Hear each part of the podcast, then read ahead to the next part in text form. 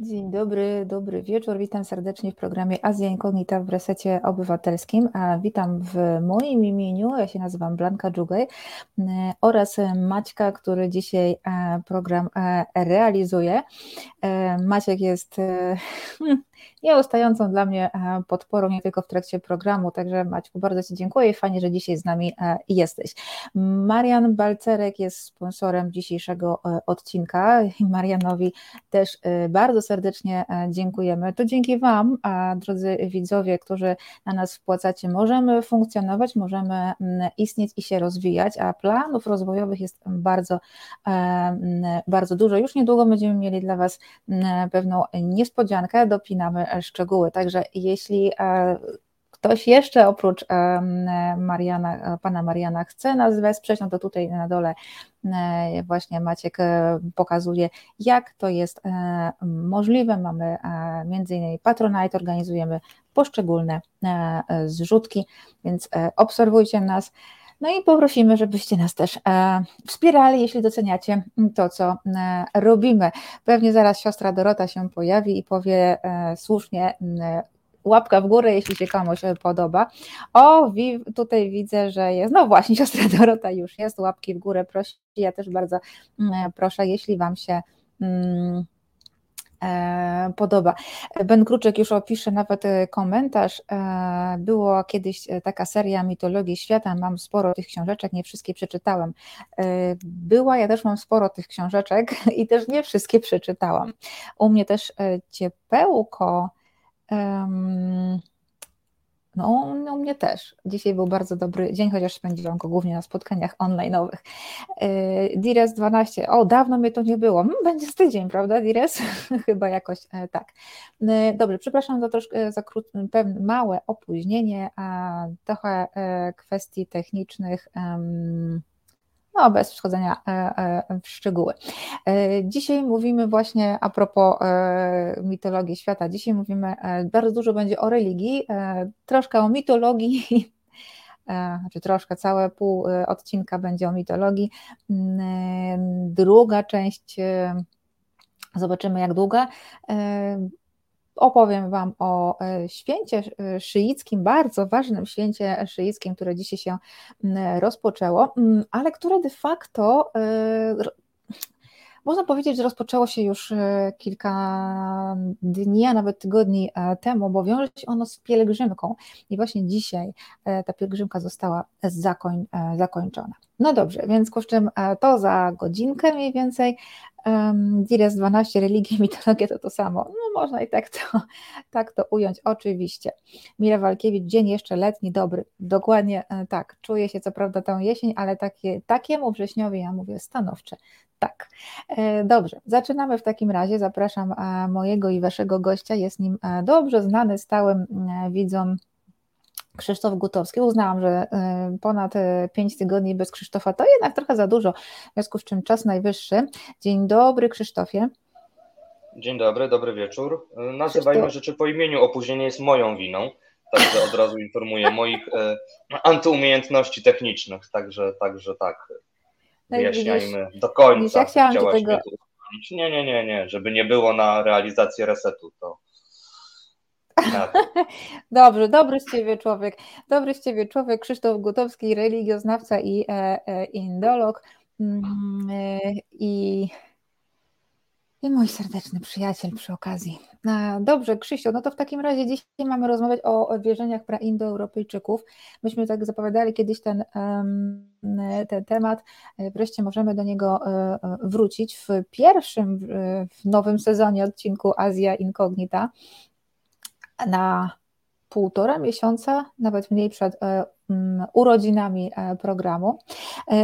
E, I teraz tak, język, w którym prowadzimy tę rozmowę, no to język słowiański, ale też indoeuropejski. Jeśli chodzi o jego europejskość, no to myślę, że tutaj wątpliwości, mm, wątpliwości nie ma. Natomiast dlaczego to Indo się e, pojawia mm, w jego e, nazwie.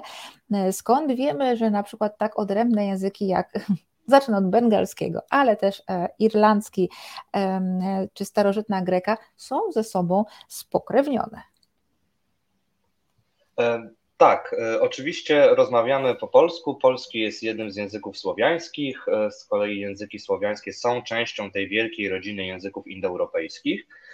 I skąd wiemy? No, tutaj musimy trochę sobie popatrzeć historycznie, jak to w ogóle było z tym przyglądaniem się językom. Już tam gdzieś, nie wiem, XVI-XVII wiek zaczęto zauważać pewne podobieństwa. Zaczęła się e, gramatyka, czy w ogóle powiedzmy badania jakieś porównawcze między językami. Natomiast przede wszystkim były to języki biblijne, tak? Gdzieś tam kwestia hebrajskiego, aramejskiego.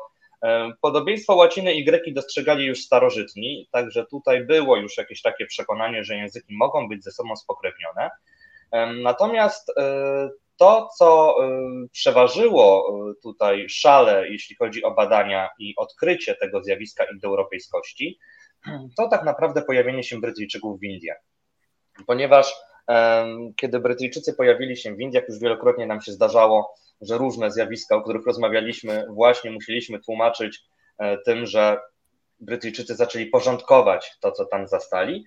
E, I nie inaczej było w tym przypadku. To znaczy, zaczęto badać Mm, zaczęto badać języki, które się tam pojawiały, również ten język klasyczny indyjski, czyli sanskryt. E, I w 1786 roku e, pojawiła się wypowiedź, referat mm, prawnika, ale pełniącego tutaj również funkcję badacza w Indiach, Williama Jonesa, Sir Williama Jonesa, który w swoim wystąpieniu dla Towarzystwa Azjatyckiego w Kalkucie E, wtedy stwierdził, że mm, sanskryt jest językiem szczególnym, e, niezwykle wysublimowanym, e, bardziej skomplikowanym niż łacina i greka, ale ze względu na podobieństwa gramatyczne i mm, słownictwo, musi on chyba być z tą łaciną i greką spokrewniony, a gdyby tak się temu poprzyglądać, to również spokrewniony jest z językami perskimi, tak? w sensie z językami irańskimi.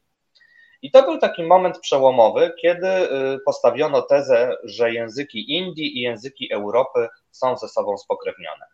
To oczywiście był punkt wyjścia, bo ta teza została podchwycona i później te badania prowadzono i powstała taka wielka dyscyplina wiedzy, jaką jest indoeuropeistyka. Natomiast no, na podstawie przede wszystkim właśnie tych podobieństw leksykalnych, czyli w zakresie słownictwa, e, rdzeniów czasownikowych, i też gramatyki, nie wiem, chociażby końcówek gramatycznych, tego typu rzeczy. No, osiągnięto takie, takie przekonanie, że rzeczywiście większość języków europejskich, języki północnych, centralnych Indii oraz języki irańskie są ze sobą spokrewnione, co zresztą doskonale widać w bardzo wielu prawda, przykładach. Mamy, nie wiem, e, sanskryckie Agni, e, nasze ogień, Ignis, Także jest to widoczne w bardzo, bardzo wielu różnych sytuacjach. Można sobie dosłownie gdzieś tam wpisać jakąś indoeuropejskość w Google'ach i takich tabelek ze słówkami wyskakuje bardzo wiele. Widać to też w terminach pokrewieństwa oczywiście, w liczebnikach. Także, także to, to był ten element podstawowy, ale też w gramatyce, tak, w odmianie być. No, jest to, jest to widoczne. To oczywiście doprowadziło do tego, że te badania nad indoeuropejskością się mocno zaczęły rozwijać. Stwierdzono, że skoro one są spokrewnione, to musiał istnieć jakiś język, z którego one się wywodzą, i postawiono tezę o istnieniu języka indoeuropejskiego, praindoeuropejskiego. No, a skoro był taki język, to musiał, iść, musiał istnieć też lud, który nim mówił. E, stąd też obecność praindoeuropejczyków e, w tym naszym kontekście. To, czy tak naprawdę musiał istnieć taki konkretny lud, to pewnie będziemy o tym sobie dzisiaj e, mówić. Natomiast dzisiaj indoeuropeistyka to nie jest tylko dyscyplina związana z językiem, tak? To nie jest tylko językoznawstwo porównawcze. Tutaj ogromną rolę odgrywa archeologia, czyli próba no, rekonstruowania tego, jak to wyglądało, jeśli chodzi o kulturę materialną, o migrację, ale też już od dobrych kilkudziesięciu lat badania genetyczne, które również pozwalają e, rekonstruować, jak te ruchy ludności w czasach przecież prehistorycznych, kiedy nie mamy źródeł pisanych, e, przebiegały, tak, odbywały się. I zaraz zapytam Cię, kim w takim razie byli e, ci Indoeuropejczycy, tylko tutaj przeczytam mm, Dires 12, pisze Polacy ćwierkają trochę jak Hindusi. Indusi, Dires, Indusi, nie Hindusi. E, natomiast e, masz więcej racji niż, niż myślisz może, bo nie wiem, czy to jest na poważnie, czy żartobliwy komentarz, ale przecież zwłaszcza bengalski jest bardzo podobny pod względem fonetyki do języka polskiego ma bardzo dużo podobnych e, dźwięków i e, no moi wykładowcy zawsze mówili, że Polakom jest łatwiej na przykład niż Brytyjczykom e, mówić w językach indyjskich, w języku bengalskim głównie, mm, bo właśnie fonetycznie też, nasz no aparat... Bo, bo tutaj mamy wszystko. No. dokładnie. Dokładnie, wszystkie te dźwięki de facto są w języku polskim, więc nasz, że tak powiem, aparat autentycznie jest do tego e, przygotowany.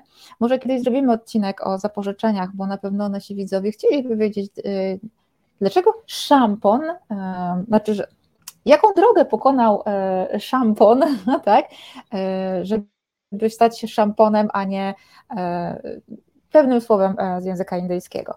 Ale mm, Tomasz Szyndralewicz napisał, pół wieku temu kolega zainteresowany mitologią Indii poważnie tłumaczył, że jest w niej proroctwo albo ślad całkiem współczesnej technologii wojennej, na przykład bomb nuklearnych. Ale rzeczywiście, bo jakby powiedziała e, profesor e, Jurewicz, wszystko jest w Wedach. Ale mm, tak. Krzysztof uśmiecha się tajemniczo. Nie, no ta, tak, tak, nie, no bo takie, takie tezy, nie, one są cały czas gdzieś tam obecne i, i, i w sumie też się pojawiały chyba przy okazji naszych rozmów, e, jeśli chodzi o jakieś takie elementy pseudonaukowe w narracjach o Indiach, także, także tak, tak, tak, tak jest tak, to element po, powracający bezustannie, tak, ta technologia, która miała w dawnych Indiach już sobie funkcjonować. E, Bella pisze, o chętnie za, zapożyczenia z języka indyjskiego. Dobry pomysł. Krzysiu, e, w takim razie Nie wiem, czy by cały się zebrał Dobrze. odcinek, nie wiem, ale jakbyśmy sobie pozbierali z innych języków, no może. No, zróbmy, zróbmy, pomyślmy coś takiego. Z arabskiego, z tureckiego. No z tureckiego to my mamy prawie wszystko. No. E, dużo jest faktycznie. E, dobra, e, to w takim razie kim byli Indoeuropejczycy i jak w ogóle możemy ich umiejscowić w czasie? To ja bym wolał odmawiać odpowiedzi na to pytanie, ponieważ jest to rzeczywiście jedna z najbardziej kontrowersyjnych kwestii, Do. jakie są w ogóle w badaniach indoeuropejskich. Tak? To znaczy kwestia tak właśnie kolebki czy praojczyzny Indoeuropejczyków jest rzeczą niezwykle kontrowersyjną. Podobnie Ty sam mi to pytanie próba... napisałeś. No i bardzo dobrze i właśnie zaraz powiem, dlaczego to pytanie jest bez sensu. E, bo ono naturalnie by się pojawiło e, w większości przypadków. E, także, także problem jest pokaźny, tak? ponieważ tych teorii na temat tego, która kultura archeologiczna powinna być identyfikowana z Indoeuropejczykami czy z praindoeuropejczykami jest bardzo wiele. Musimy też pamiętać o tym, że mm, o czym rzadko się pamięta, nawet w badaniach naukowych, jak się okazuje, że kultura archeologiczna nie równa się językowi, a to nie równa się tożsamości, a to nie równa się, nie wiem, kulturze materialnej czy kulturze duchowej. E, tak? Także tutaj e, bardzo często popełniamy taki błąd, że wychodzimy z założenia, że jakaś, nie wiem, coś, co grupa zabudowań, w której produkuje się w taki sam sposób garnki, na przykład przez 300 czy 400 lat, będzie na pewno mówiła takim samym językiem i na pewno będzie miała taką samą tożsamość. Wcale tak być nie musiało. Dlatego trzeba być bardzo ostrożnym, jeśli chodzi o utożsamianie języka tak, tożsamości y, etnicznej, wykorzystywanego czy stosowanego języka i, i jakiejś tam kultury archeologicznej. Dlatego y, też trzeba, trudno by było pewnie pokazać, w którym momencie ten język był praindoeuropejski. Nie? No bo, bo powiedzmy, że rekonstruujemy sobie to na podstawie tych języków, które mamy, y, tak zwanych języków córek, natomiast no, w którym momencie on był indoeuropejski? Ile tych y, elementów musiało być wspólnych, y, tak, żeby, żeby to wyglądało? A przecież jeżeli byli jacyś, którzy na końcu mówili tym językiem, to jeszcze byli jacyś wcześniej, przodkowie i tutaj robi się nam wiele problemów. Y, jeśli miałbym tak wskazywać, wskazywać, to byśmy sobie chyba tutaj szukali pewnych kultur archeologicznych z obszaru wschodniej Europy, zachodniej Azji Centralnej. tak? czyli, czyli mamy takie dwie podstawowe hipotezy na temat pochodzenia praindoeuropejczyków. Jest to hipoteza stepowa i hipoteza anatolijska. E, ta hipoteza anatolijska jest preferowana przez archeologów, lingwiści ją nie lubią, jej nie lubią, dlatego że ona cofa to tak naprawdę jeszcze 3-4 tysiące lat wcześniej. E, I według takiego średniego przyrostu i rozwoju języka byłoby to dosyć wcześnie.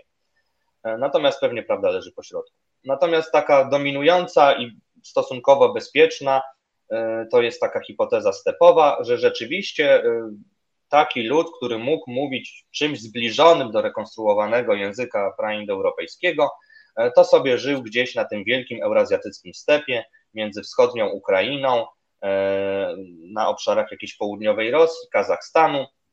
Tam to mogło się dziać. E, mamy sporo takich kandydatów, bo te kultury archeologiczne tam były dosyć liczne i zmieniały się i były dosyć mobilne, ale mamy na przykład taką kulturę Sierredny Stog, i mamy na przykład kulturę grobów e, jamowych, to są takie dwie, które wydają się, że już niemal na pewno były, były praindoeuropejskie. To znaczy ich realia życia e, zgadzają się z tym, e, co rekonstruujemy, jeśli chodzi o słownictwo mhm. tak, tego języka praindoeuropejskiego. Byśmy tutaj mieli jakieś 4500 do 3000 przed naszą erą. W takich regionach byśmy się tutaj jakoś poruszali. Później już mamy do czynienia z migracją. Czy tych ludów, czy języka, czy kultury, no to jest już sprawa śliska. Także gdzieś mniej więcej wtedy, nie? Trzecie tysiąclecie, przed, czwarte, przepraszam, tysiąclecie przed naszą erą i e, obszary tutaj właśnie wschodniej Ukrainy, południowej Rosji, gdzieś na północ od Kaukazu. Y, Właściwie odpowiedziałeś na to pytanie, bo Ben Kruczek pyta, kolebką jest cywilizacja mm, z Doliny e, Indusu, ale no to wiemy, że nie, ale czy w ogóle jakoś na tej mapie y, Mohenjo-Daro i Harappę można umiejscowić? Nie. Nie, bo wiekowo nie, się nie znaczy, zgadza. Nie, wiekowo. Poza tym to, to jest no. obszar, kiedy jeszcze ludów indoeuropejskich zupełnie w tej części E, Jeszcze nie było, no nie, nie, ludy no wiem, wykorzystujące ten sanskryt wedyjski powiedzmy, to się pojawiają gdzieś w połowie drugiego tysiąclecia przed naszą erą, e, także tutaj nie za mhm. bardzo nawet mamy jej zrobić jakąś tam nakładkę mhm. no, e, geograficzną czy dziejową. Kapitan Stratford, chwilę po stworzeniu świata. No, coś tym jest. Mm, Grzesiek Dewam pisze, słyszałem, że te rewelacje techniczne w starożytnych tekstach to grubo naciągane interpretacje lub przeinaczenia. Na przykład często przywołuje się tekst Wajmanika Siastra, który chyba nawet nie jest prawdziwy. Tak, to jest tekst spreparowany w XIX wieku. Tak, tak, tego nie było.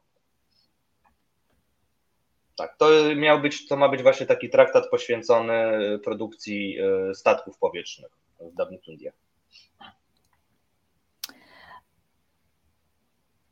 Ciekawe, czy jeszcze nie ma tego w narracji a propos Vikrama i Chandrayaan 3? Nie wiem, Dobra. się boję. Dobra. Właśnie aż się boję, no nie, ale się zawiesiłam. Mniej Indii, dzisiaj jest tak szerzej, szerzej musimy, chociaż i tak te Indie nam zaraz wyjdą pewnie. No wyjdą, tak, zawsze nam wychodzą Indie, nawet jeżeli rozmawiamy o Turcji, to i tak i tak Indie nam wychodzą. Um, Tomasz Szendrelewicz, zmumifik zmumifikowane zwłoki znalezione w Alpach niedawno no, dookreślono genetycznie jako kolesia pochodzącego z Anatolii. No, właśnie.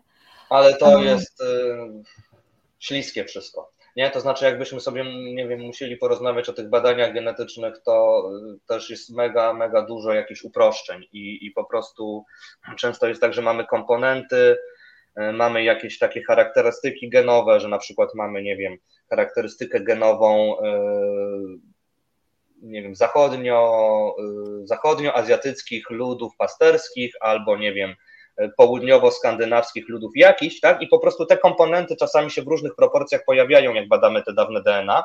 Mhm. E, I wtedy bardzo łatwo powiedzieć na przykład, że e, nie, tak jak często się to w prasie pojawia, że ktoś tam pochodził z Anatolii i tak dalej.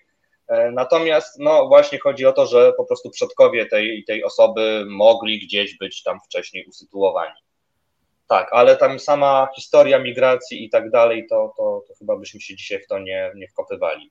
Poza tym, że tak, najprawdopodobniej rolnicy anatolijscy, tak jak pisze Ben Kruczek, to jedna z fal, która gdzieś tam zasiliła to genetycznie i pewnie później wyszła trochę na, na step, na wschód przez Bałkany i byli to być może przodkowie, przodkowie właśnie tych, tego syryjnego stogu i, i, i tej, tych grobów jamowych. Także tak, ale to jest bardzo grząski temat, gdzie specjaliści tam się strasznie na ten temat rozwodzą, więc ja bym nawet nie chciał jakiejś spójnej syntezy tutaj proponować. No, załóżmy sobie roboczo, że rzeczywiście to są, to są te, te obszary stepowe czwarte tysiąclecie przed naszą erą. Dobrze. I jakie mamy dowody, e, bo rozumiem, że jakieś mamy na migrację Indoeuropejczyków? Po pierwsze genetyczne, to znaczy to, że widzimy, że jednak mamy ten, e, te, te, te geny, które się rozchodzą, które w różnych częściach świata pojawiają się w różnych proporcjach. Jeśli chodzi o badania genetyczne, to mamy przecież też te dwa, dwa szlaki, dwa znaczniki, bo mamy badania mitochondrialne, czyli związane z dziedziczeniem po matce, i mamy badania chromosomu Y, czyli dziedziczonego po ojcu, i wtedy widzimy rzeczywiście, że ten komponent tak, tak zwany stepowy, e, często w tych, e, nie wiem, na obszarach, gdzie dzisiaj mamy użytkowników języków indoeuropejskich, jest i jest on dziedziczony w linii męskiej przede wszystkim. Czyli jednak w dużej mierze, przynajmniej znaczna część tych migracji musiała być związana z migracją mężczyzn. Nie mhm. wyłącznie, już odchodzimy od takiej narracji, że to byli tam wojownicy na rydwanach, którzy tam po prostu się tylko przemieszczali, zdobywali wszystko, bo wiemy, że nie. Wiemy, że też wędrowali rolnicy, wędrowały rodziny i tak dalej, i tak dalej, ale jednak ten element właśnie mężczyzn, którzy, yy, którzy mają jako partnerki kobiety nie indoeuropejskie, jeżeli sobie roboczo przyjmijmy, że oni przenosili również swój język, yy, to, to jest bardzo widoczne. To jest pierwsza sprawa. Druga sprawa to sam fakt, że te języki są, że widzimy, że one się historycznie przemieszczały i rekonstruując sobie dzieje tych języków, robiąc sobie takie symulacje, tak, mniej więcej ile czasu język potrzebuje na zmianę i z jaką kulturą archeologiczną możemy to skorelować, to też widzimy, że rzeczywiście te języki się rozchodziły. Co jeszcze? No i zmiany kulturowe. Mhm że w pewnym momencie pojawiają się ludy, i to się zbiega mniej więcej z tą migracją genetyczną, to się zbiega z tym, jak szacujemy y, rozprzestrzenianie się języków y, indoeuropejskich. Y, widzimy, że pojawia się innego rodzaju ceramika, że pojawiają się pochówki w kurhanach, no to, to zaczyna być jakoś tam zauważalne. Tak? Także w dużym uproszczeniu zarówno język, jak i geny, jak i komponent kulturowy, no widać zmiany w historii. Jeżeli je dobrze tam skorelujemy, no to, to, to możemy rzeczywiście dojść do wniosku, że mm, taka migracja ludów, e, czy, czy, czy właśnie migracja osobników, e, którzy nieśli ze sobą również e, język indoeuropejski, mhm. być może wierzenia indoeuropejskie, tożsamość kulturową indoeuropejską, mm, miała rzeczywiście miejsce. A co z tymi, którzy byli już na tych terenach, zanim zaczęły je przejmować, zanim zaczęli je przejmować Indoeuropejczycy? Oczywiście chciałabym zapytać, czy był tam wśród tych ludów jakiś kolejny Mateusz Morawiecki, taki przodek Mateusza Morawieckiego, który mówił do kobiet, oni chcą wam zgotować piekło, przyjdą i was wszystkie zgwałcą. Ale nie, oczywiście to jest taki mój krzywy żart, e, bo jestem zniesmaczona jeszcze od weekendu, odkąd to usłyszałam.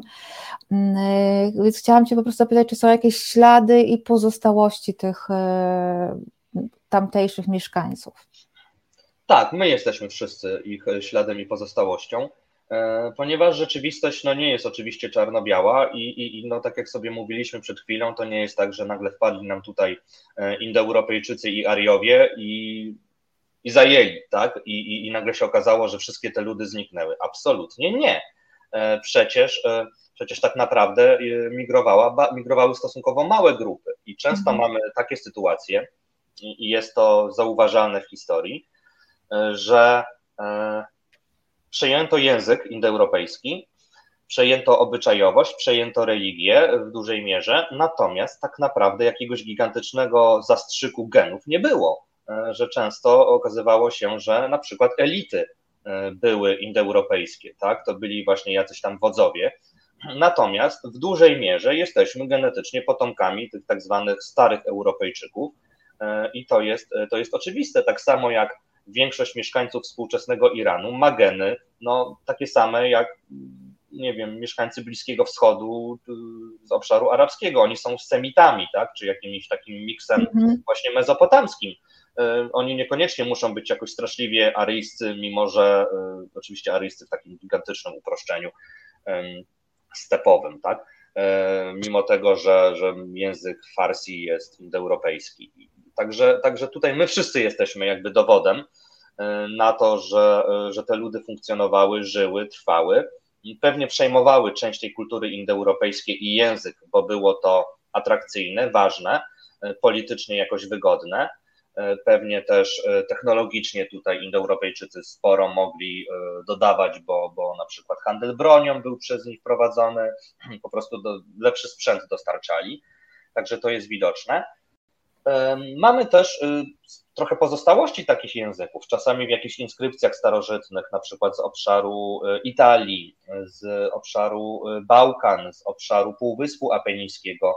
Widzimy imiona, tak, y, jakieś, które nie są indoeuropejskie, y, widzimy jakieś nazwy własne, które nie są y, indoeuropejskie, także mamy ślady tych wszystkich mieszkańców.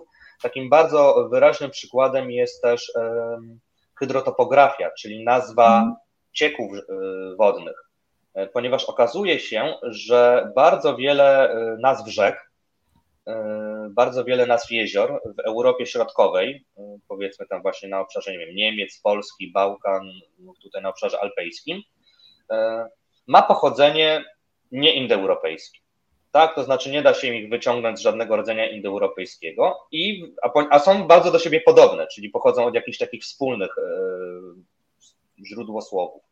Mm, także mamy tutaj no, najprawdopodobniej nazwy geograficzne, które pozostały, nie? No bo powiedzmy, że te elity indoeuropejskie się pojawiały, natomiast no, jak była jakaś rzeka, to nie wymyślali pewnie własnej nazwy, tylko zazwyczaj nazywali ją tak jak ludzie, którzy tam byli wcześniej. Także to jest też taki zabytek, powiedziałbym, który trwa. E, mamy też całe języki, które nie są indoeuropejskie w Europie. Nie wiem, czy, czy, czy tutaj ktoś by zgadł i zaproponował, ale e, te języki ugrofińskie oczywiście też są z migracji, nie? więc tam Węgrzy i Finowie to się nie przejmujemy, oni też są z Azji. Natomiast e, mamy język baskijski, mhm. tak, który nie jest językiem indoeuropejskim, który nie jest językiem indoeuropejskim i który w zasadzie jest jedyną taką e, pozostałością tych, tych języków no, z dawnej Europy. Mm. Także, także mamy trochę tych, trochę tych pozostałości, jak najbardziej.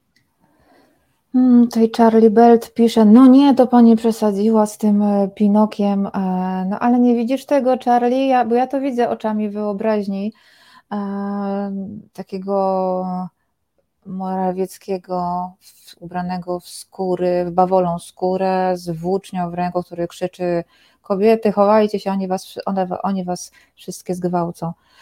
Bo ja się niestety zgadzam, że Marki, Marki, Marki, Marek Awiżeń, tutaj pisze, Morawiecki szuruje po dnie.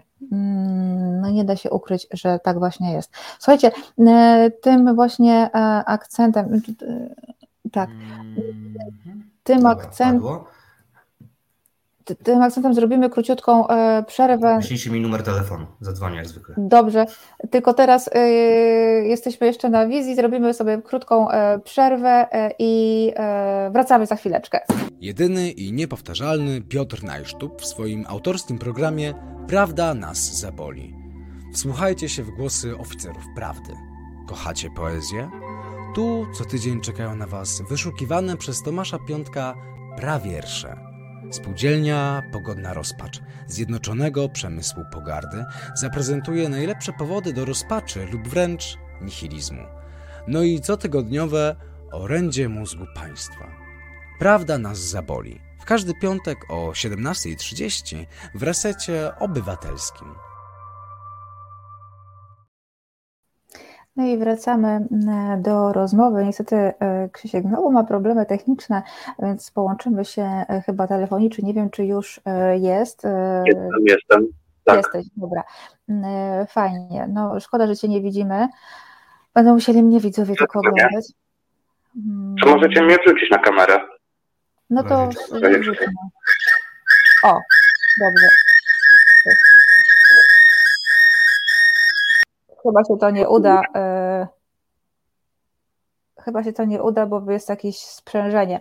No dobrze, to w takim razie rozmawiamy dalej tylko telefonicznie porozmawiajmy, o, słychać i widać, ale kapitan Stratford tak, tylko że jakieś sprzężenie było straszne i to chyba się nie, nie uda. E, nie wiem dlaczego. Dobra, to rozmawialiśmy o kolebce e, Indoeuropejczyków i, i chyba każdy chciałby się do niej przyznać i w Indiach i w Polsce każdy chce być jak najbardziej aryjski. E, tak, oczywiście. No tak jak powiedziałem, mamy tutaj dosyć e, duży problem, tak, jeżeli chodzi o identyfikowanie tego miejsca. W związku z tym historycznie tak, znaczy, któryś z badaczy napisał ostatnio w jednej z takich przekrojowych książek, że jedno jest pewne, że na pewno ktoś już tę kolebkę Indoeuropejczyków wskazał, dlatego że w zasadzie wszystkie miejsca, które tylko mogły być wzięte pod uwagę, były. E, poczynając od e, Indii, przez całą Azję Centralną, e, gdzieś powiedzmy w zasadzie wszystkie obszary Europy, łącznie z jakimiś tutaj podarktycznymi wręcz terenami. Także, także to miejsce na pewno zostało już wskazane, natomiast nie do końca wiemy, które z nich rzeczywiście mogło takim miejscem być. Mm, natomiast no, większość ludów oczywiście w ramach swoich jakichś nacjonalistycznych zapędów e, chętnie takie kolebki zagarnia. E, takim spektakularnym przykładem są e, Indie, które rzeczywiście mają swoją out of India theory, czyli przekonanie o tym, że mm, to właśnie z Indii te języki się wywodzą i, i że w ogóle sanskryt w zasadzie jest równoznaczny z językiem praindoeuropejskim, to jest taki element bardzo ważny. Tutaj możemy wrócić jeszcze do Twojego poprzedniego pytania, e, czyli co się stało z tymi e, innymi ludami. Mhm. E, oprócz tego, że genetycznie oni sobie gdzieś tam zostali w nas i że zostały jakieś tam pozostałości językowe, to mamy też wiele elementów kulturowych, które niby w mitologiach, tradycjach indoeuropejskich są, natomiast mm, wywodzą się z innych obszarów. Mówiliśmy już kiedyś, na pewno się to pojawiało y, o takim właśnie miejscu jak BMAC, czyli Bactria Morgiana Archaeological Complex, takim dziwnym miejscu y, w, na terenie dzisiejszego Uzbekistanu, Tadżykistanu, y, przez który sobie właśnie ludy używające języka indoeuropejskiego wędrowały na południe. No i właśnie wiele elementów z tej tradycji, właśnie z tego obszaru przetrwało w religii mm -hmm. Dopiero teraz zaczynamy sobie to rekonstruować, ale wiele jest takich również językowych elementów, jakichś słów e, czy praktyk, które no, wydaje się, że stamtąd właśnie zostały po drodze e, przejęte. Myślę, że również w tych tradycjach, które mm, kojarzymy z, ze świata zachodniego, czyli właśnie w całej wielkiej tradycji śródziemnomorskiej, mamy masę takich elementów, które nie przyszły ze stepu, a które właśnie już w tej formie, nie wiem, jakie znamy, jaką znamy u Homera, no były wzięte jakoś tak powiem, z lokalnych e, tradycji. Także tak to wygląda. Natomiast tak, Indie oczywiście chciałyby być tą e, prakolebką, mm, ale Polska też ma, też ma takie zapędy. E, łącznie z tym, że no, oprócz powiedziałbym jakichś takich turbosłowiańskich teorii na temat Wielkiej Lechii, o czym też warto gdzieś tam mówić, bo, bo jest to w niepokojący sposób niesamowicie szybko i prężnie rozwijająca się teoria, totalnie bzdurna e, pod każdym względem. Natomiast e, pomijając jakby takie pseudonaukowe e, tendencje, to kwestia tego, czy Słowianie są stąd, czy Słowianie są z zewnątrz, no trwała w zasadzie to teraz trwa, tak? Oczywiście ona była wpisana w dyskurs przedwojenny, jeszcze polskich tam archeologów i, i, i tak dalej. O tym będziemy mówić ale to czy będziemy pisać. E, dokładnie, zaraz o tym powiem. Tak, zaraz o tym powiemy e, i napiszemy. Natomiast e, tak, no, była taka teoria właśnie autochtoniczna versus allochtoniczna pochodzenia Słowian. I ta teoria, że rzeczywiście ludy słowiańskie pochodzą tutaj z obszarów nadwiślańskich, była bardzo silna. I, I, jeszcze w drugiej połowie XX wieku to nie jest nic zupełnie pozbawionego podstaw. E, tę teorię dopiero obalają badania genetyczne. Dopiero mhm. widzimy, że te migracje były na tyle silne, zauważalne i, i możliwe coraz bardziej do zlokalizowania, do umiejscowienia w czasie, mm, że ta teoria o odwieczności nas na tych ziemiach no nie jest już do utrzymania, ale jeszcze kilka lat temu bardzo wielu wybitnych polskich archeologów zwolennikami takiej teorii było. Także tutaj mamy no, kwestię tego, tego pochodzenia, to jest sprawą otwartą e, i to się przekłada oczywiście na różne e, realizacje tej idei w, w różnych częściach świata indoeuropejskiego. Y, drodzy Państwo, my się y, z Krzyszkiem roześmialiśmy, bo zobaczyliśmy ten sam komentarz. Y, Marek Jurkiewicz napisał, dzisiaj właśnie czytałem, że Indie mają zmienić nazwę na Bharat. Jut, zapraszamy, Krzysztofie, czy zapraszamy na jutro? Czy Ty się wyrobisz? Tak. Jak to będzie, tu będzie jakby taki, no, jakieś zobowiązanie publiczne już, a nie wewnątrzredakcyjne. No, także może to jest dobra, dobre, dobry punkt wyjścia. Tak, ja właśnie dlatego to zrobiłam, jestem złą kobietą. Tak, więc y, dokładnie tak, zapraszam jutro y, na Kultura z jaką. Y, tam będzie tekst Krzyśka, bo właśnie y, o tej zmianie nazwy, y, nie tylko nazwy państwa, y, Krzysiek Krzysiek napisze, także zapraszamy mm, też do e, e, medium Maha Bharat. No właśnie, jak nie będzie Maha, to że Maha, to ja nie wiem, czy Indie to... No Bharat, jak nie będzie Maha, tak, to to za Indie, jak nie będą wielkie, tak. No więc o to chodzi, a wiadomo, że Indie są Maha i już. Mm, dobra, słuchajcie, ponieważ nasza audycja trwa już 40 minut, to myślę, że to jest dobry moment, żeby przejść do, e, że tak powiem, głównego tematu tego, tej audycji, czyli religii. E, mamy język, e, mamy stanowiska archeologiczne, no ale to jest jedna rzecz. A teraz, czy właśnie możemy coś powiedzieć o e, wierzeniach praindoeuropejczyków? No i znowu pojawiają się dokładnie te same problemy, jak te, o których mówiliśmy przed chwilą. Przede mhm. wszystkim, jeżeli chcemy rekonstruować wierzenia tych ludów, E, czy tego ludu, chociaż ja wolę tych ludów, bo to na pewno nie był jeden lud, który sobie tam funkcjonował przez 200-300 lat, tylko mówimy o znacznie jakimś dłuższym e, okresie. Znowu rekonstruujemy to na podstawie religii Turek, mitologii Turek, czyli właśnie tych wszystkich tradycji, które mamy i to tych tradycji, które nam przetrwały w tekstach. E, zawsze pamiętajmy o tym, że obraz religii jakiejś starożytnej, który mamy z tekstów jest niepełny, bo nie uwzględnia w olbrzymiej większości E, wierzeń kobiet, praktyk domowych, jakichś elementów ludowych, albo no tego wszystkiego, o czym akurat nie trzeba było, nie chciano, nie było warto napisać, albo napisano, a zniknęło. Także tutaj musimy znowu być ostrożni. Plus druga sprawa to to, że uważajmy na y, szczególność kontra uniwersalność. Bo my bardzo też chętnie byśmy sobie rekonstruowali jakieś wierzenia indoeuropejskie, tylko znowu jest gdzieś tam pytanie, nie? Na ile kult ognia jest uniwersalny, na ile jest indoeuropejski. A jeśli jest indoeuropejski, to co jest w tym indoeuropejskim kulcie ognia szczególnego? Także tutaj trzeba być bardzo ostrożnym. Poza tym, e, oczywiście, tak jak powiedzieliśmy sobie przed chwilą, te komponenty lokalne przenikały i w tych religiach Turkach, w mitach Turkach mamy bardzo wiele tych elementów, które no, nawet zakładając jakieś takie wierzenia praindoeuropejskie, po prostu nie są praindoeuropejskie, weszły sobie gdzieś tam w międzyczasie. E, także to jest e, sprawa bardzo ważna. No i pozostaje kwestia tego, co mamy wcześniej. E, ponieważ mamy taką teorię pogranicza nauki, znaczy to zależy kogo spytać, nie?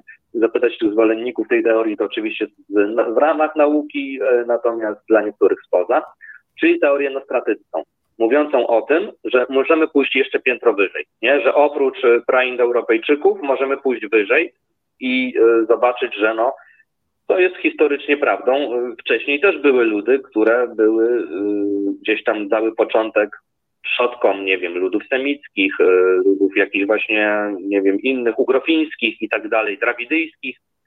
I że gdzieś tak cofając się wcześniej mamy pewną taką grupę, która też musiała mieć jakieś wierzenia nie? Mhm. Więc y, tutaj zawsze możemy się teoretycznie cofnąć jeszcze stopień wyżej i szukać jakiegoś takiego elementu. Więc jest to na pewno bardzo y, tutaj mm, taka delikatna sprawa. No ale możemy, tak? Możemy sobie mówić o tym, że rzeczywiście w tych tradycjach, y, które mamy, mamy trochę cech wspólnych, trochę wierzeń, trochę wątków mitycznych, trochę bóstw, które zachowują się w podobny sposób, a przede wszystkim bardzo często nazywają się bardzo podobnie w różnych tradycjach.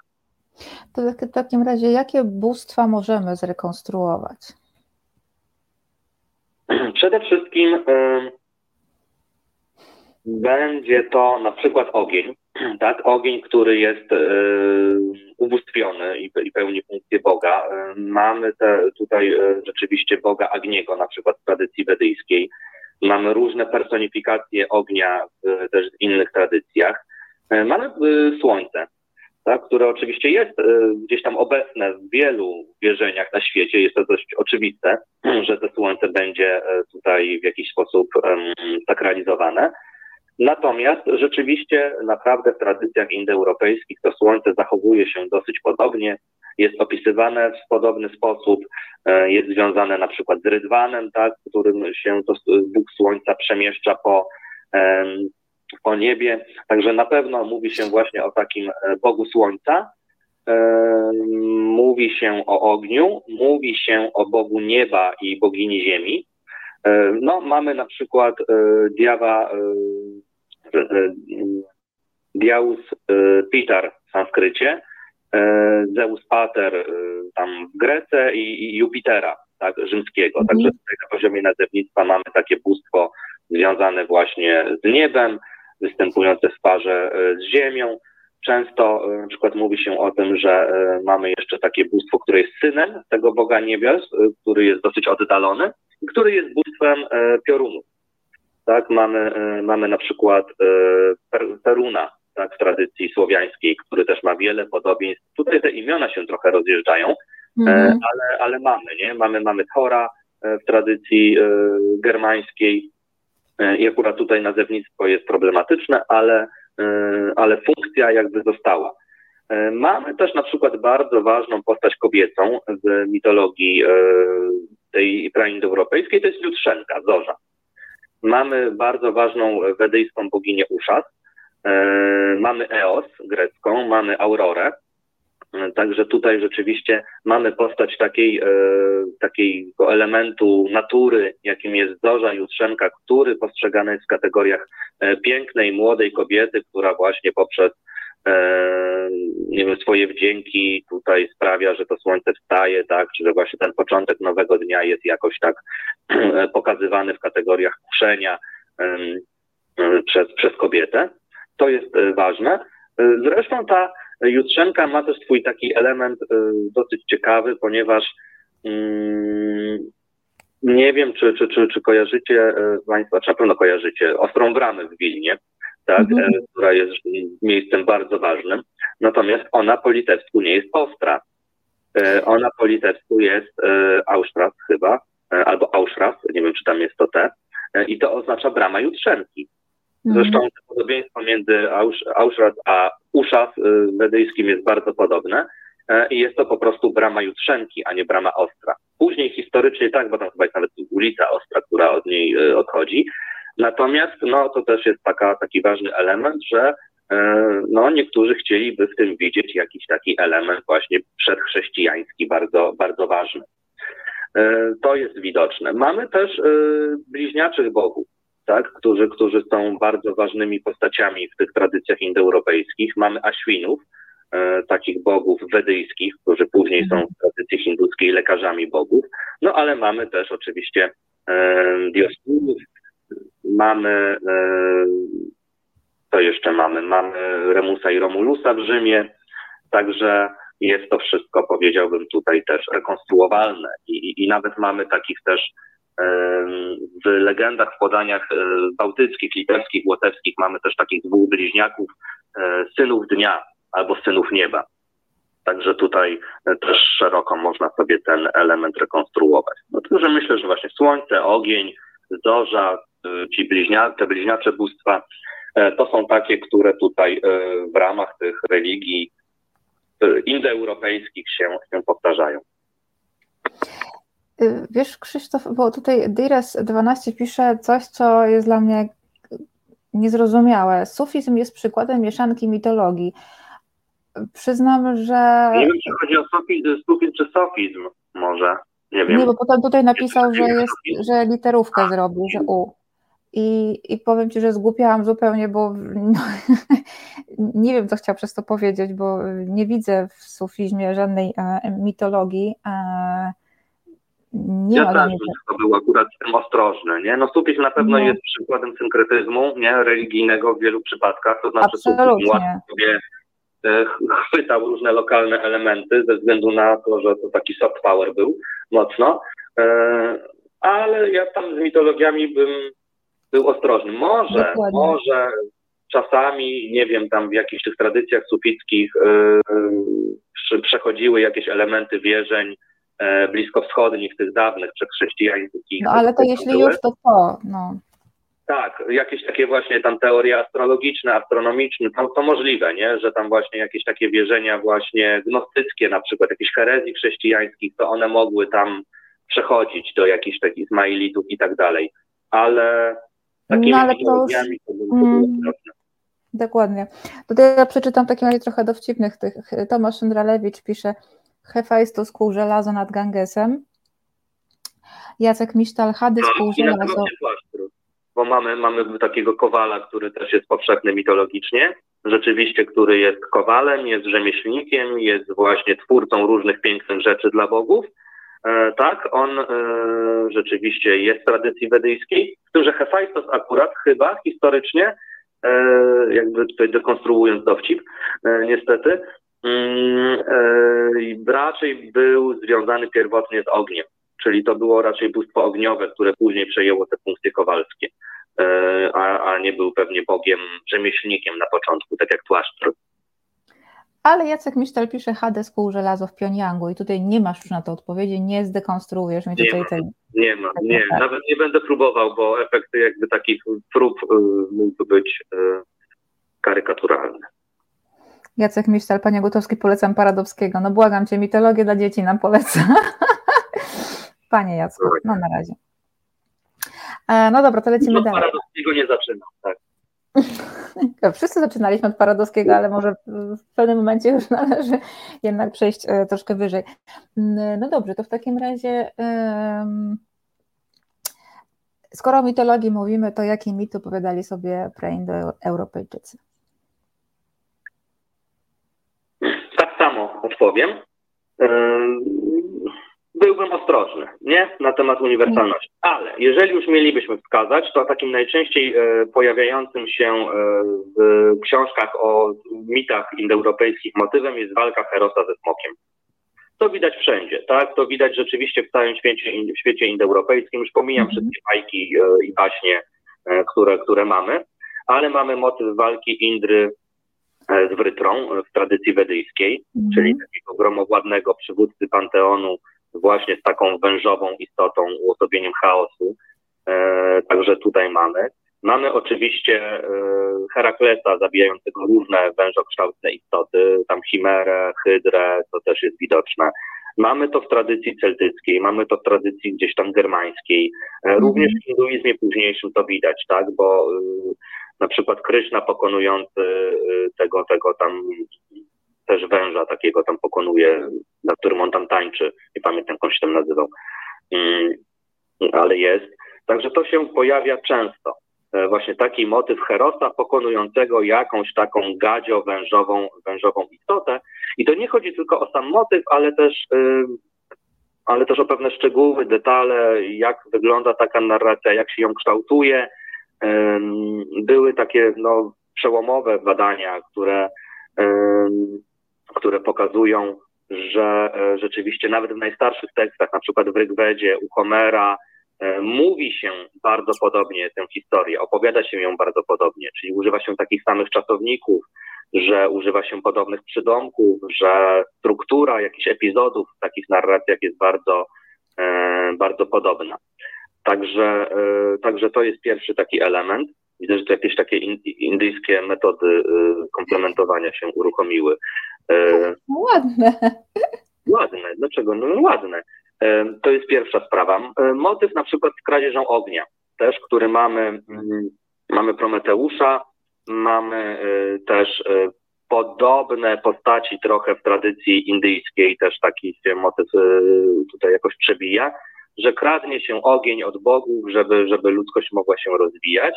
No też jeśli chodzi o same mity o powstaniu świata, to mamy wiele takich elementów. Mamy e, na przykład pierwotne zabójstwo między bliźniętami, które w niektórych tradycjach wygląda jako e, ten, rozbija mnie to, ten, ja jednak nie jestem multitaskowy. Mm. Ofiara, praofiara. Tak, że rzeczywiście mamy, mamy takie przekonanie, że wszechświat powstał z jakiejś praofiary, z takiego praczłowieka zabitego. E, także mamy, mamy i mity kosmogoniczne, które są wspólne, których nie widać w innych tradycjach, na przykład w nie wiem, semickich narracjach czy ugrofińskich, e, plus mamy właśnie tę walkę Herosa ze smokiem. E, to są takie podstawowe.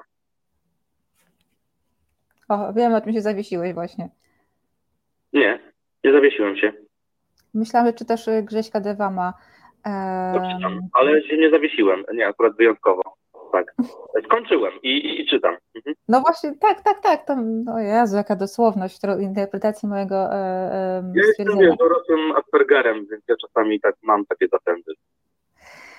Waldemar Wisokiński pisze, Pani Blanko, co z naszymi działkami? Kiedy notariusz? No właśnie, właśnie, właśnie, bo zwłaszcza tutaj całej będzie e, istotna e, kwestia, jak 15 października coś pójdzie nie tak.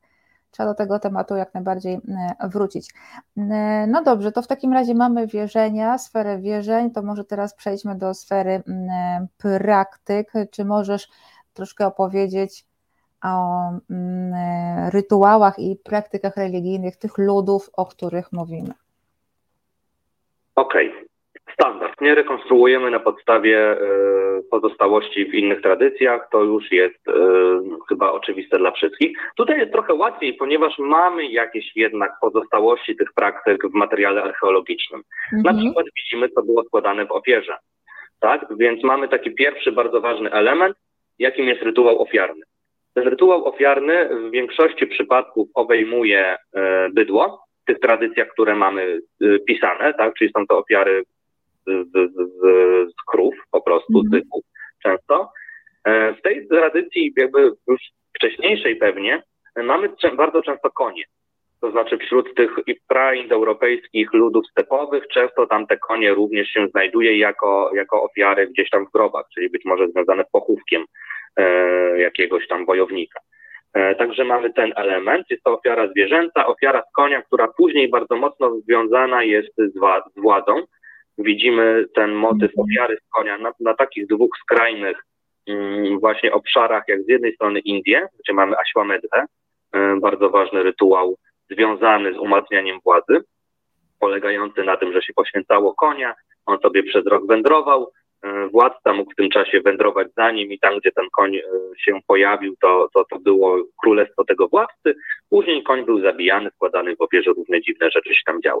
Natomiast e, mamy też takie elementy tradycji celtyckiej, także mamy na pewno ofiary zwierzęce. Ofiary zwierzęce, przede wszystkim z bydła, również z koni.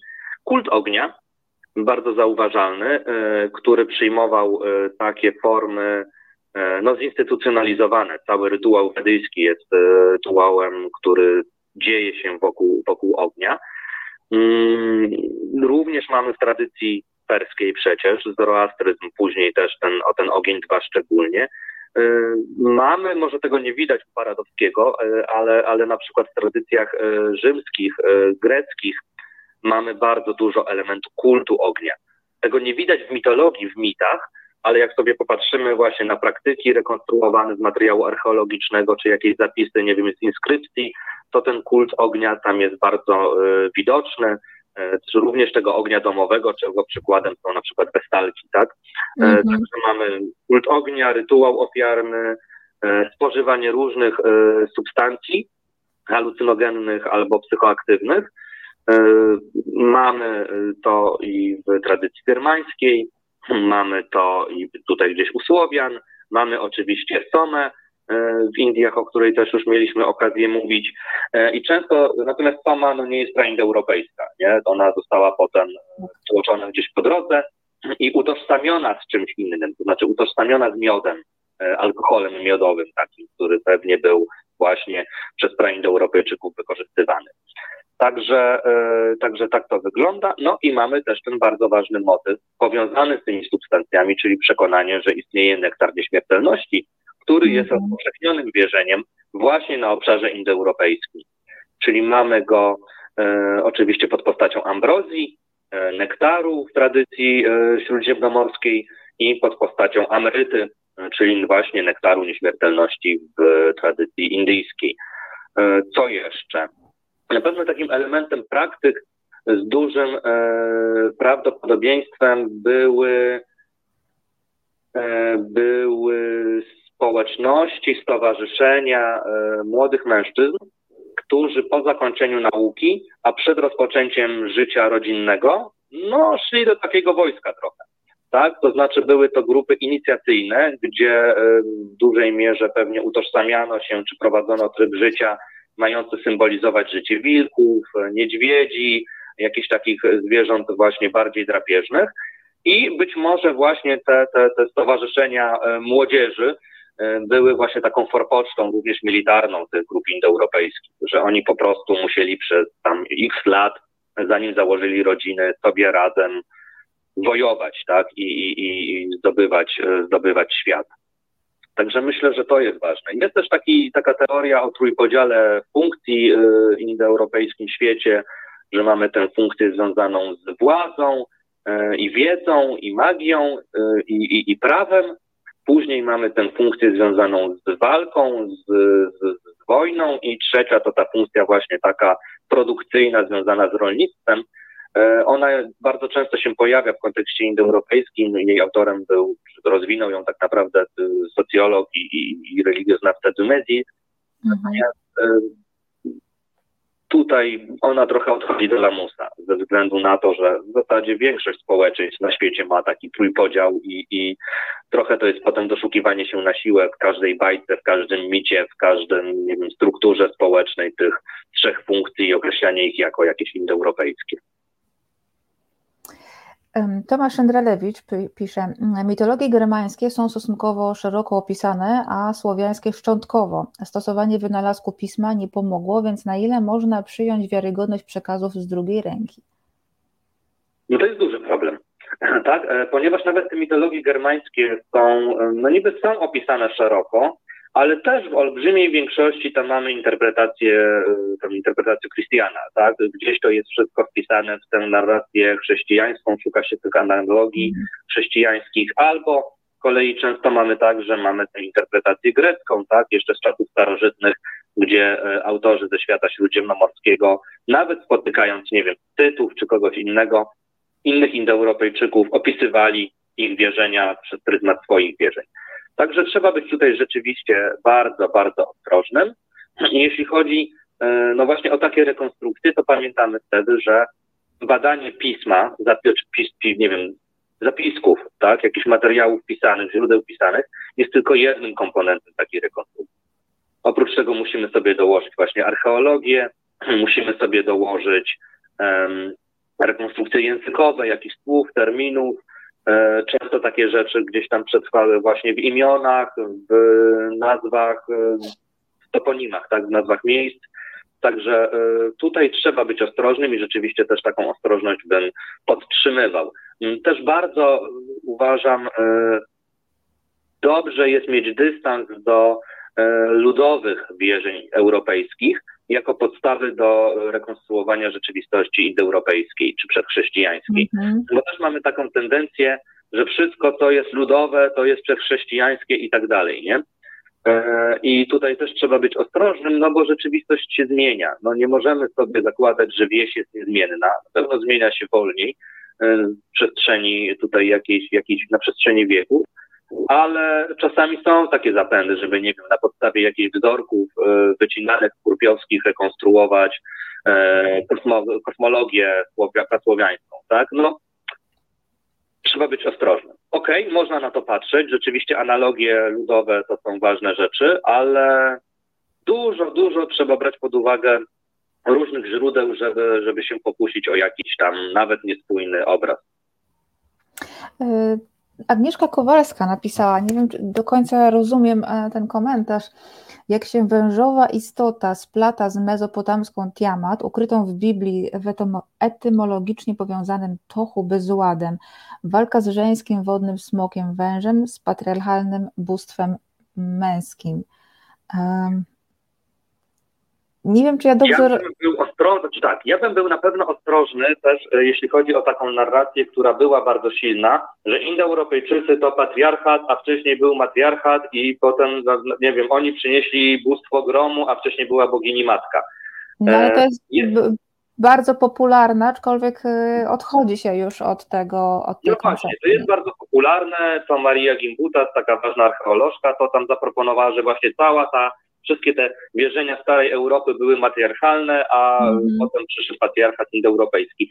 Nie do końca. Zapewne te wszystkie ludy staroeuropejskie też były patriarchalne, też nie ma co się tutaj oszukiwać. E, może rzeczywiście te proporcje się trochę zmieniały, ale no mówię, jeżeli przyjmiemy, że to były elity jakieś tam mówiące językiem indoeuropejskim, no to równie dobrze ta struktura rodziny pewnie też mogła sobie pozostawać bez zmian. Ja tutaj byłbym bardzo ostrożny, żeby taką, taką wizję narzucać. No i rzeczywiście jest kwestia tego, że walka z wężową istotą nie jest tylko, powiedziałbym, indoeuropejskim motywem. I tutaj wchodzi nam już kwestia właśnie tego przejścia piętro wyżej. No właśnie, e, bo Agnieszka teraz, sorki, przepraszam, Agnieszka Kowalska pisze teraz powiązanie smoka indoeuropejskiego z mitologią semicką. Znaczy przede wszystkim sam motyw e, tego smoka, on nie jest dokładnie nie tylko, nie, nie tylko semicki, e, ponieważ mamy tu już tradycji sumeryjskiej, a Sumerowie byli ludem X, tak? W sensie nie byli semitami. E, to była, była tradycja jakaś jeszcze, czy w sensie lud jeszcze inny. I tutaj wchodzi nam właśnie, wchodzi nam w grę ta kwestia piętra wyżej. Mhm. Czyli e, żeby przejść od tych Indoeuropejczyków jeszcze wyżej i zobaczyć, czy wiele z tych motywów nie przetrwało też w tradycjach właśnie drawidyjskiej, semickiej e, i innych. Jest taka propozycja, nie będziemy się nad nią rozwodzić, ale jest to propozycja bardzo poważna. E, taki wybitny, chyba jeden z najwybitniejszych indologów, profesor Witzel z Harvardu, pochodzenia niemieckiego, właśnie coś takiego zaproponował. On napisał książkę The Origin, albo Origins, Origins chyba of World Mythology, e, gdzie starał się właśnie pójść na ten, znaczy wejść na te piętro wyżej i pokazać, że większość z tych motywów występuje jeszcze wcześniej, to nie oznacza, że są zupełnie powszechne, ponieważ nie ma ich na przykład w mitologiach e, Afryki subsaharyjskiej, E, że tutaj moglibyśmy wskazać moment dziejowy w migracji ludności, gdzie takie motywy pojawiły się po raz pierwszy i były rozpowszechnione, dlatego są powszechne w Eurazji, ale Jasne. nie są na przykład w, e, nie są powszechne w Australii, e, u ludności aborygeńskiej czy u tych ludów Afryki subsaharyjskiej. Także tutaj między innymi ta walka ze smokiem jest jednym z takich motywów, które on by chciał widzieć jako jeszcze starsze. Także można popatrz, przypatrzeć się tej teorii Wicela, jeśli ktoś ma ochotę, to może sobie poszukać tej książki. To jest taka bardzo poważna propozycja, w zasadzie pierwsza od czasów Eliadego, próba jakiejś takiej syntezy tych dziejów religii i zaproponowania jakiegoś schematu na taką gigantyczną skalę. Oczywiście jak każde przedsięwzięcie tak wielkie, tym bardziej zrobione przez jednego człowieka ma masę tam niedociągnięć, ale warto na pewno popatrzeć sobie na to. Ciekawe. Agnieszka Kowalska, uśmiech, dziękuję. Mm, dzięki Agnieszko, że e, bierzesz udział w, w rozmowie. Mm, dzięki za pytanie. Mm, już rozumiem o co chodziło. E, trochę się zgubiłam w konstrukcji, ale to już moja wina. E, dobrze, to Krzysiu, kończąc, dużo się bardzo mówi o wyjątkowości tej, tych ludów indoeuropejskich. Wiemy, do jakiego rozwoju jakich ideologii może to prowadzić, niestety. Mm, I teraz, czy możesz właśnie odnieść się do, tej, e, do tego twierdzenia o szczególnym znaczeniu kultury, może dziedzictwa indoeuropejskiego dla mm, rozwoju ludzkości? E, myślę, że e, poczytam komentarz. Tak, e, tak prawie, że jest przydatne. E, I myślę, że ta teoria nostratycka prędzej czy później wejdzie do mainstreamu jakoś, bo ona jest logiczna, ale dobra, to już moje tutaj e, poglądy około naukowe. tym dziedzictwem E,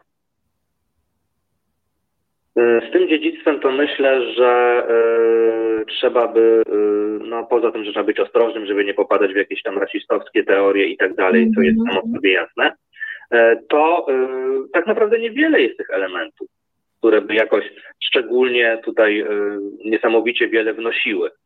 Tak, na pewno, na pewno bardzo wielką rolę odegrały y, ludy indoeuropejskie w tworzeniu struktur państwowych, czyli właśnie w mhm. tworzeniu takiego społeczeństwa, które po prostu będzie ustrukturyzowane, które będzie jakoś e, tutaj e, łatwiejsze do zarządzania, będzie schierarchizowane. To może być plusem, może być minusem. E, możemy wszyscy wielbić egalitaryzm, ale na pewnym poziomie rozwoju no, ta specjalizacja pracy była oczywista tak, i, i była faktem. Także, e, także tak to wyglądało. E, z pewnością e, dużą rolę tutaj odegrały te ludy, niosąc technologie związane z rydwanem, z walką, z w ogóle końmi, tak? Także tutaj były te elementy bardzo, bardzo ważne i no pewnie dlatego odnieśli oni tak olbrzymi sukces, bo dysponowali technologią wojenną, która umożliwiała im stawanie się elitami w bardzo szybkim um, tutaj czasie.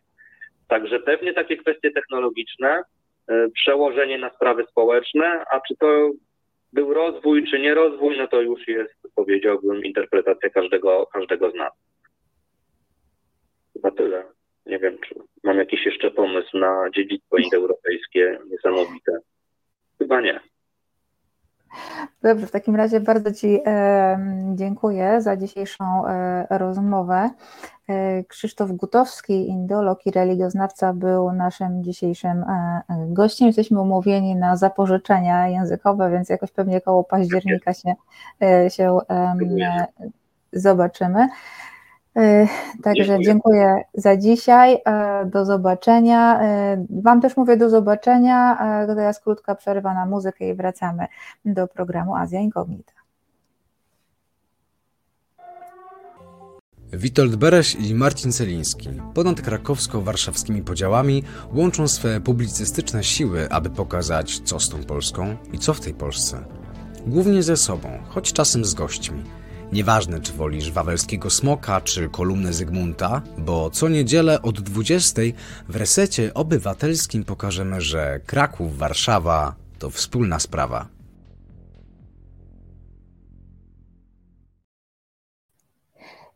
Dzień dobry, dzień dobry. Niedawno koreańska e, posłanka przyszła do parlamentu ze swoim dzieckiem, więc ja mogę w telewizji występować z moim dzieckiem. O, proszę bardzo, to jest straszna rozpacz była. E, więc musi być e, chwileczkę tutaj e, z nami. Przywitaj się grzecznie. On ma straszne parcie na szkło, wiecie, po mamusi ma tak. Słuchajcie, jeżeli ktoś, a już się znudził, jeżeli ktoś dopiero teraz włączył kitku, pisze Maciek, tak jest. Słuchajcie, jeżeli teraz dopiero się włączyliście, e, to yy, przepraszam, yy, będzie teraz robił yy, płacz. nie przyjmujcie się tym, nie mu się tutaj krzywda nie dzieje, po prostu woła mamy do zabawy.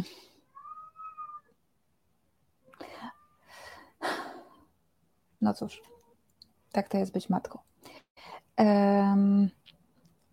Grzesiek Dywan, o poczekajcie koty, koteczek, teraz mam trzeciego kotka, który sam przyszedł do mnie i został też taki rudzielec piękny. No Grzesiu, muszę powiedzieć, że ten rudzielec, którego przed chwilą widziałeś, to też e, sam do mnie e, przyszedł i, i, i został, po prostu stwierdził, że spoko jest ta chata.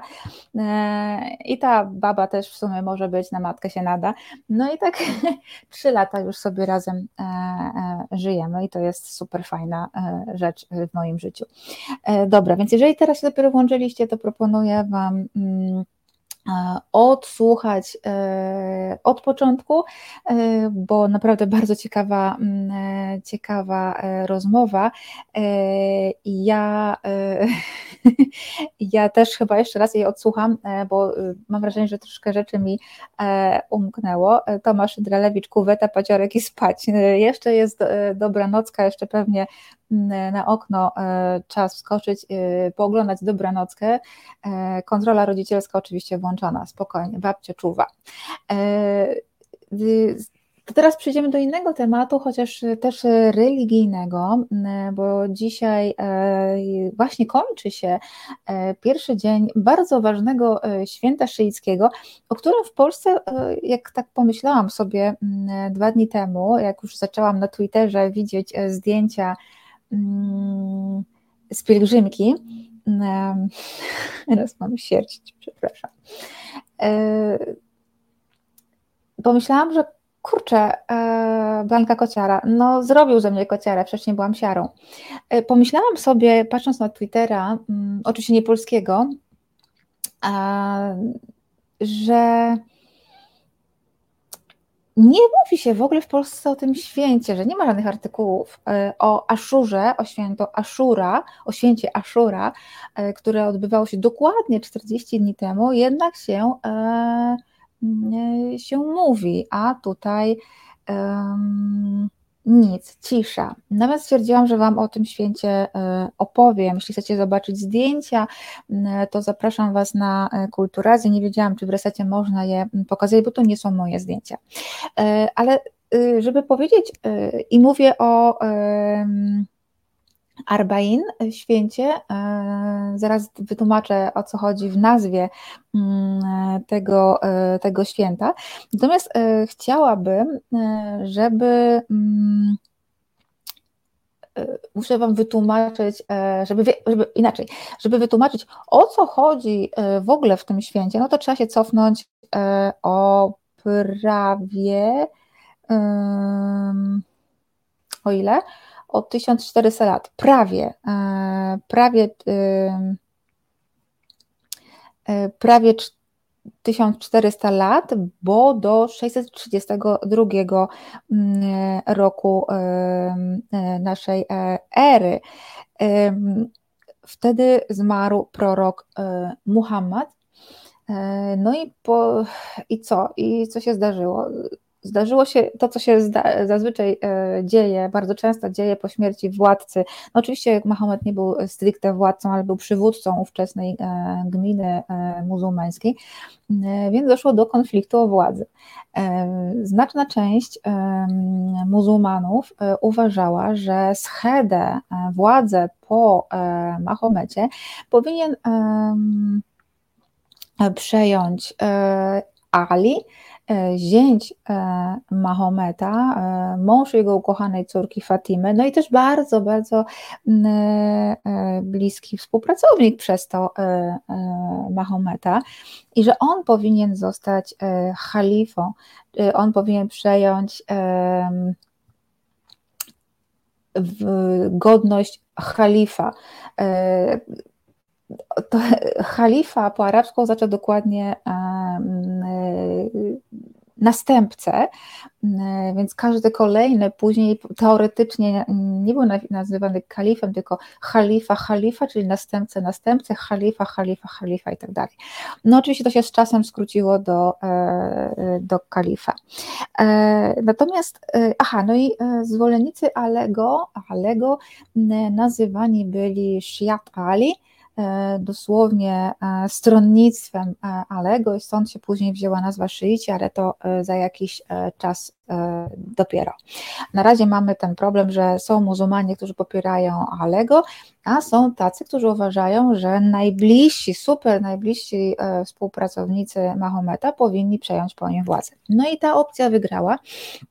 Dlatego e, kolejnymi kalifami zostali Abu Bakr, e, Omar e, i Usman. Natomiast i dopiero po nich został Ali. No przecież Mahomet na Al-Buraku wjechał do nieba. No ale na ziemi go nie było. No ta nocna podróż do nieba to troszeczkę wcześniej, to jeszcze za życia.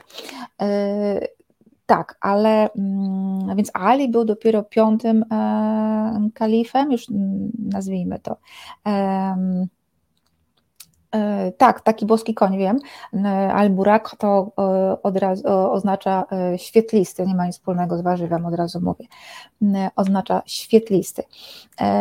Dobra, więc tak, Ali zostaje kalifem, już stosując to, tą, tą nazwę, ale rządy sprawuje bardzo krótko, tylko 5, 5 lat. Po jego śmierci tytuł halifa przechodzi w ręce Muawii, wodza z dynastii Umayyadów i on e, rzeczywiście zapoczątkowuje wcale nie tak samo bardzo długo e, panującą dynastię e, Umayyadów. Natomiast y, oczywiście zwolennicy Alego y, chcieli y, dla jego dzieci y, następstwa mm, władzy, ale między innymi no, młodszego z synów Husajna, który no, i stał się jak gdyby przyczynkiem do święta, o którym mówię. No ale niestety mm, wojska Muawii pokonywały e, zawsze mm, e, wojska e, no, tegoż Husajna ibn Alego.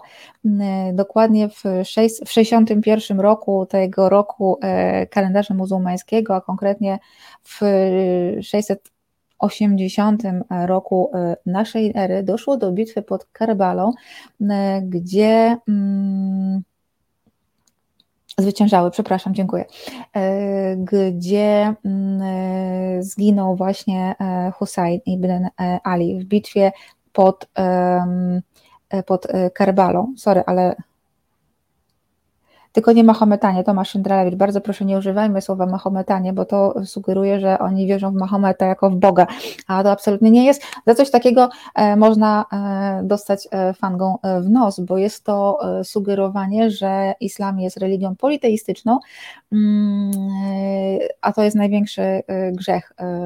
To jest shirk, czyli przydawanie Bogu towarzyszy.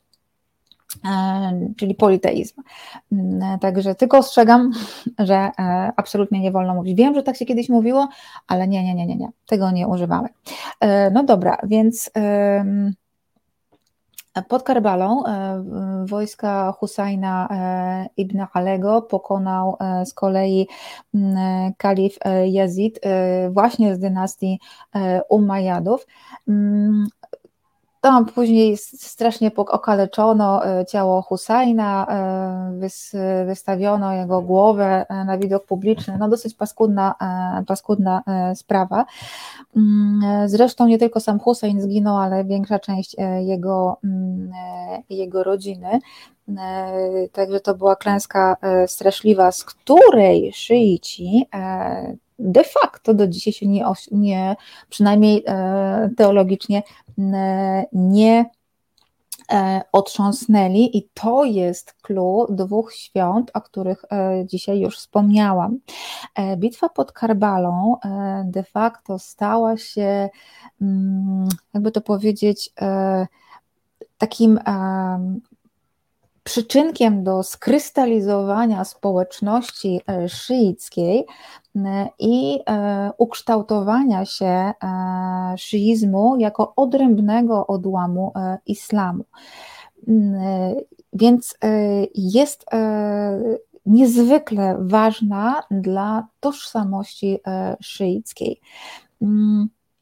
Na pamiątkę, też pamiątkę to brzmi dobrze, dla upamiętnienia wydarzeń pod Karbalą, e, co roku szyici na całym świecie obchodzą święto Ashura.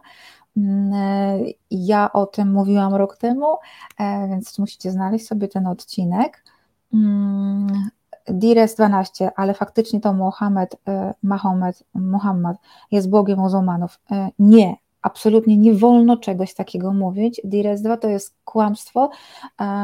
Nie, Mahomet jest wysłannikiem Boga, a nie e, Bogiem. Bogiem jest Bóg, Bóg z dużej litery e, po arabsku. E, Allah. No właśnie, Piotr Strychalski, dziękuję. I teraz Ashura. Mm, ja miałam przyjemność, nie, nie, przyjemność oglądać święto Ashura w Indiach, akurat w, w Indiach. E, gigantyczne e, e, święto. W którym muzułmanie, szyici, szyiccy muzułmanie wyrażają żal, skruchę za to, że ich przodkowie doprowadzili do śmierci Husajna, że nie byli w stanie obronić swojego przywódcy, wnuka proroka, czyli Husajna ibn Alego. I to jest i to jest, Dires, wypisujesz jakieś kompletne e, e, bzdury, już nawet się nie będę do tego odnosić, ale e, lepiej troszkę posłuchaj i poczytaj. Ashura często jest, jeżeli już się o niej mówi, to często się mówi jako o święcie biczowniku, bo faktycznie uczestnicy tej, tego przemarszu po mieście no, biczują się i to tak bardzo mocno, oni się bardzo w tym e, zapamiętują. Natomiast 40 dni później, 40 mm, e, dni później, jako że w islamie żałoby obchodzi się właśnie 40 e, dni, 40 dni później w, szyicie, w szyizmie mamy święto al-Arba'in, dosłownie oznacza to 40, tak? czyli odnosi się do, do tej, tych 40 e, dni e, żałoby. Wiem, kotek woła, przepraszam, on się teraz chce bawić. Przepraszam Was bardzo za to. Blanko Olejczat, masz swoją audycję. Tak, masz rację, y, y, Piotr, tylko wiecie, tam czasami są bardzo fajne pytania zadajecie, więc chciałam... Ten. Dobra, no więc olewam e, e, czat. Mm, ten, e, to święto, Al-Arbarin, wyznacza koniec żałoby po po Husajnie. E, już e, jest e, zakończony ten, ten czas. Mm, i e, odbywa się dwudniowe e, święto e, w tym roku. Aha, no i podobnie jak Aszura, jest to oczywiście święto mm, ruchome, wyznaczane mm, na podstawie kalendarza księżycowego, w związku z czym co roku wypada innego dnia. Znaczy czasami się może pokryć oczywiście, ale to po jakimś długim czasie. W tym roku wypada 5 i 6 września, czyli dzisiaj się zaczyna. Ono się oczywiście wiąże z e, modlitwami e, w, w meczetach e, na całym świecie, w szyickich, oczywiście w szyickich meczetach, mm, nabożeństwa, modlitwy, kazania specjalnie z tej, z tej okazji, małe procesje, także spektakle, które stanowią rekonstrukcję e, życia Husajna oraz e, wydarzeń pod e, Karbalą. Natomiast to, z czego Aha, najpodobniej jak kiedyś opowiadałam Wam o y, Ramadanie, że Ramadan y, jest takim okresem wzmożonej działalności charytatywnej, to tak samo jest y, w czasie Al-Arba'in. To też jest czas, kiedy muzułmanie bardzo chętnie niż zwykle mm, angażują się w działalność e, dobroczynną. Natomiast to, z czego rzeczywiście Al-Arba'in jest znane, e, to e, wielka pielgrzymka. To jest jedna z największych, jeśli nie największa pielgrzymka pod względem liczby uczestników oczywiście na świecie. Według szacunków w tym roku bierze w niej udział od 15 do 25 e, milionów e, szyitów. E, oni przyjeżdżają z całego świata, zwłaszcza tym bardziej, że w ostatnich latach mamy dosyć ciekawe, ciekawą sytuację, bo Al-Araba'in za czasów Saddama Husseina była zakazana po prostu. Oczywiście szyici zawsze mieli problem z podróżowaniem. E, bo ja nie powiedziałam ważnej rzeczy, ten czat mnie tutaj e, rozwijał. rozbił. Nie powiedziałam skąd się w ogóle to święto wzięło. Otóż ponoć już w latach 80. VII wieku tak, siódmego, dobrze liczę, czyli nie tak znowu długo po e, śmierci e, Husseina, jeden z towarzyszy e, proroka Mahometa, czy Muhammada, mm, jak powinno się nazywać proroka, odwiedził grup Husajna w okolicach Karbali i tam spotkał kuzynów, E, Husajna, e, część jego rodziny, wiele, wiele e, kobiet także. Jabir ibn nie, Jabir al-Abd Allah chyba się nazywał ten towarzysz, towarzysz Y, Mahometa. Przepraszam, bo to jest fajna, y, fajny komentarz, te magiczne 40, 40 y, występujące w wielu bajeczkach, wspaniale wyjaśnia dr Niesiołowski z Pano. Biblista chyba, ale taki prawdziwy, nie klęczkowy. Tak, ja doktora Niesiołowskiego, książki doktora Niesiołowskiego z Pano serdecznie Wam polecam, są, są świetne jest naprawdę, e, to, są, to jest naprawdę kopalnia, kopalnia e, e, wiedzy. No ale wracając do Karbali w latach 87 wieku, tenże Jabir miał się dowiedzieć o śmierci Husseina dzięki boskiemu znakowi. No i przybył odwiedzić grup, gdzie spotkał właśnie część pozostałą przy życiu, część rodziny E,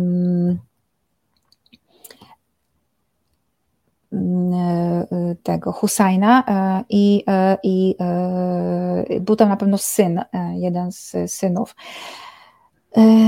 No i ponoć to był ten pierwszy pielgrzym, który zapoczątkował tradycję pielgrzymki.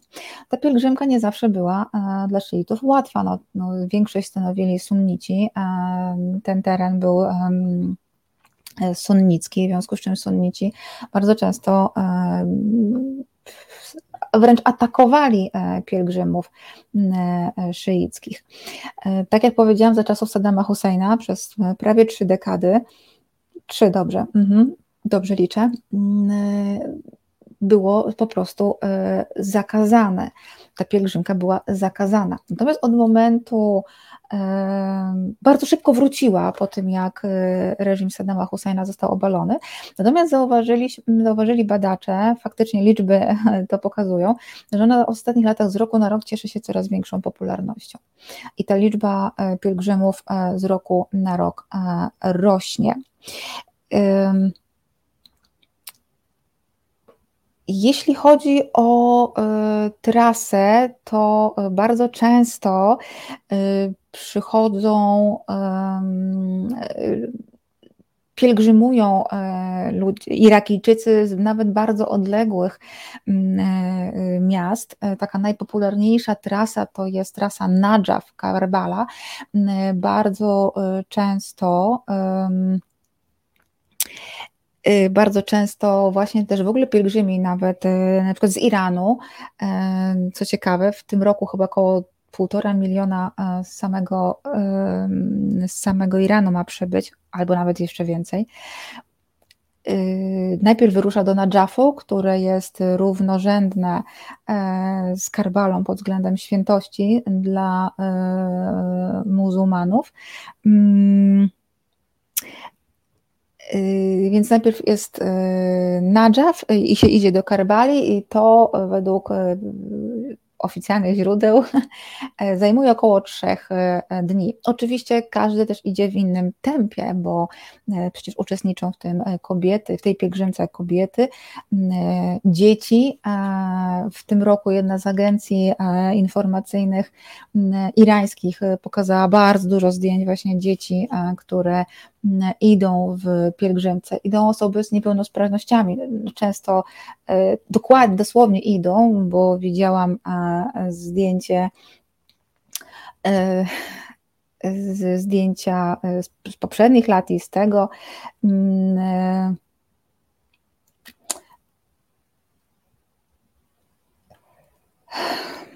Dires 12 mnie chce dzisiaj chyba wyprowadzić z równowagi. Na przykład z amputowaną e, e, nogą, e, weteran wojenny, też na wózkach inwalidzkich. Także no, relacje, bo wiele osób relacjonuje na Twitterze przebieg swojej pielgrzymki. No, takie są mocne momentami. Na drodze tej Najaf Karbala mm, ustawiają się e, szyiccy e, wierni. Mm, kapitan Stratford, dziękuję. E, ustawiają się szyiccy wierni. Też bardzo często są to dzieci, też widziałam takie filmiki z darmowym jedzeniem i piciem dla pielgrzymów.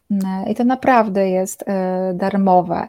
E, też widziałam zdjęcia z tegorocznej pielgrzymki z polewania wodą. No jest gorąco, jest ciągle w Iraku, jednak jest gorąco, e, więc ze szlauchów polewa się e, pielgrzymów dla ochłody.